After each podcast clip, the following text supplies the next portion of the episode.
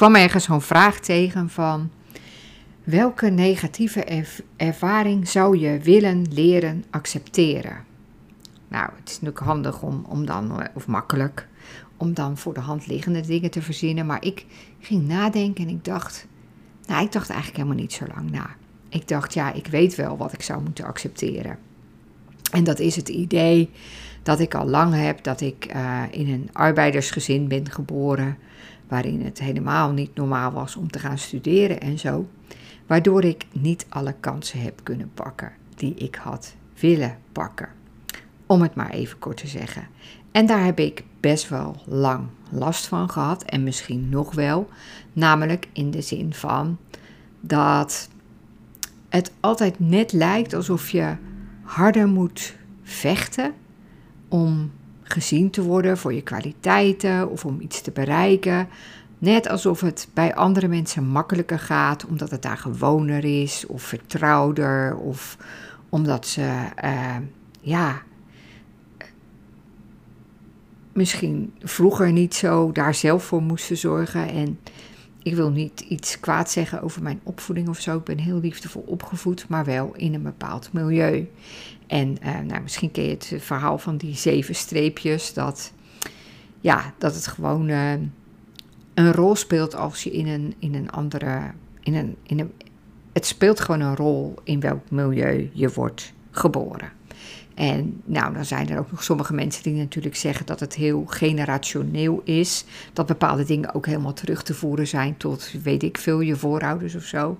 Nou, dat weet ik allemaal niet precies.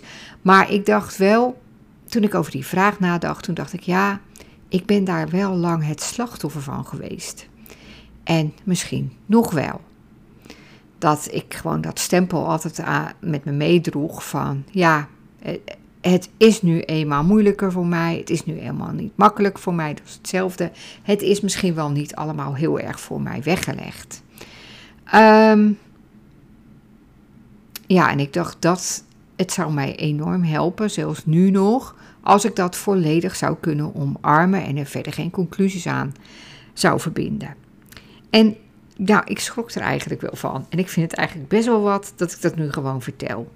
Want uh, ik schaam me er een beetje voor. En dat komt omdat ik een hekel heb aan slachtofferschap.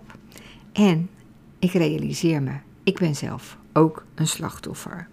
Slachtofferschap is als je als er een situatie is die, die anders is dan je zou willen, als iemand anders iets anders doet dan je zou willen, of als je zelf iets anders doet dan je eigenlijk zou willen of hopen, dat je dan ja, eigenlijk als een hulpeloos slachtoffer je daar een soort bij neerlegt, maar dan weer niet echt. Je gaat een beetje mopperen en klagen en uh, je hebt het er vaak over. Je komt niet vooruit, want ja, je bent nu eenmaal het slachtoffer van de omstandigheden van iemand anders of van jezelf.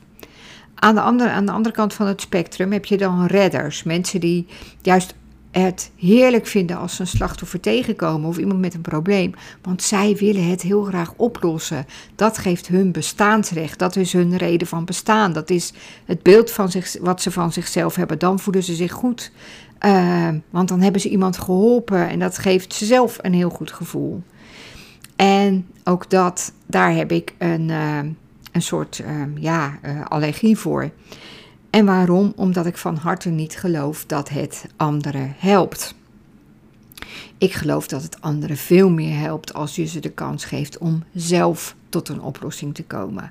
Dan komen ze natuurlijk namelijk uit het slachtofferschap. Wij zijn niet verantwoordelijk voor de problemen van anderen. Daar is iemand anders zelf verantwoordelijk voor. En dat klinkt heel egoïstisch. Maar ik geloof niet dat dat e- egoïstisch is. Juist niet. Want je geeft juist iemand anders de kans om er sterker uit te komen. Als je zelf de verantwoordelijkheid neemt, als je zelf de oplossing uh, aan jezelf aanreikt en die ook opvolgt, dan, dan, dan, dan, dan heb je iets gepresteerd wat je sterker maakt. Dan weet je de volgende keer: hé, hey, ik kan dit zelf. Als ik dit en dat doe, dan komt het goed. Als coaches kunnen we die neiging ook hebben om de dingen voor anderen op te lossen. Want wij zijn natuurlijk briljant, wij hebben fantastische ideeën, wij hebben overal een oplossing voor, wij weten hoe het moet, wij zien alles. En dus hebben we de neiging om onze klanten uh, te overstelpen met onze goede ideeën en goede adviezen en goede strategieën. En wij weten het. Maar uiteindelijk weet de klant het zelf. Zelf het allerbeste wat goed voor hem of haar is. Hij kan er misschien niet bij of hij heeft er nog niet aan gedacht. Maar daarom is het bijvoorbeeld belangrijk om uh, eerst te kijken wat je klant zelf als oplossing ziet, of als goede actie ziet, of als goede strategie ziet. Omdat uh, hij allereerst zelf het allerbeste weet wat bij hem past, waar hij het meeste zin in heeft, uh, wat het beste voor hem werkt.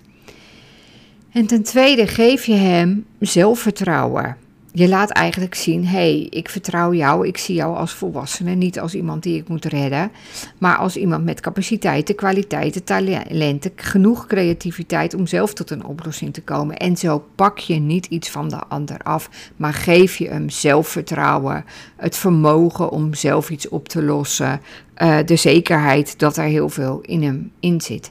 En natuurlijk mag je zelf ook met oplossingen of suggesties komen daarna. Of zeggen, hey, hoe vind je dit? Of ik zat te denken, misschien kan je dat ook nog doen. Of weet je wat mijn ervaring is met andere klanten, dit en dit en dit. Dus, ik moet ook even denken aan de, een zin uit de cursus in wonderen. Dat boek heb ik zelf nooit gelezen. Ik heb het wel eens geprobeerd, maar ik heb het nog nooit uitgekregen. Jij wel. Laat me weten als, je als het jou is gelukt. En uh, daarin staat: zie niemand zwak. En dat is volgens mij een heel erg uh, waardevolle zin in de hele slachtoffer- en redder-discussie. Uh, maar goed, uh, ik begon met te zeggen van uh, ja, ik ben zelf ook wel eens slachtoffer. En we leven denk ik best wel ook in een slachtoffercultuur. We zijn slachtoffer van de overheid en van regels en van mensen die niet het goede met ons voor hebben. En in een relatie kan je ook heel erg slachtoffer zijn. Oh, als mijn uh, partner maar vaker zou opruimen. Als hij nou maar voor, ervoor zou zorgen dat ik ook eens een keer weg kon. Of als hij nou maar zou zorgen dat, uh, dat, dat ik wat minder in het huishouden hoef te doen. Of als hij nou maar vaker naar de kinderen omkeek. Of als hij mij nou maar meer tijd zou gunnen voor mijn eigen bedrijf. Of als hij mij beter zou steunen. Of hij, als hij zou, uh, niet zo zou zeuren als ik weer ging investeren in een coach. Uh, ja, we zijn heel vaak geneigd, dat is een beetje, ja, het lijkt ook wel of het erger wordt, vind ik, dat we het zoeken bij de ander. En uh, ja, daar, daar wordt niemand beter van, volgens mij. En ik denk dat het goed is om af en toe te kijken van, hey, waar zijn wij zelf, uh, hoe zijn wij zelf in het, aan het slachtofferen? Als ondernemer kan je het natuurlijk ook hebben. Um, ja, gisteren was het grijs weer. Nou, het is vandaag weer grijs weer, maar ik heb de zon gezien. En dan is het zo'n grijze dag en dan uh, zijn de bomen kaal. En ik had een afspraak die werd afgezegd. En ik had een klant die had gezegd en die uh, toen nee zei. Uh, wat allemaal geen ramp is.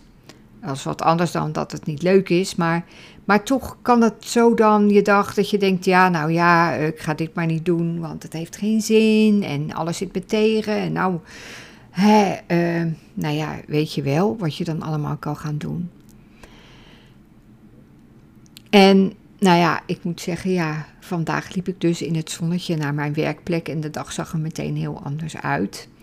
Maar wat bijvoorbeeld al helpt als je in zo'n bui bent, is um, iets gaan doen. Um, ja, je kan natuurlijk ook zeggen, dat zeg ik ook wel eens te, tegen klanten, joh, ga lekker langs de zee lopen. Volgens mij heb je dat nodig, want daar knap je altijd zo van op en dat vind je zo fijn en volgens mij krijg je daar heel veel inspiratie van. Soms hebben we dat nodig, maar soms hebben we gewoon nodig om te besluiten. Vandaag ga ik een post schrijven. Of vandaag um, um, ga ik die en die eens bellen.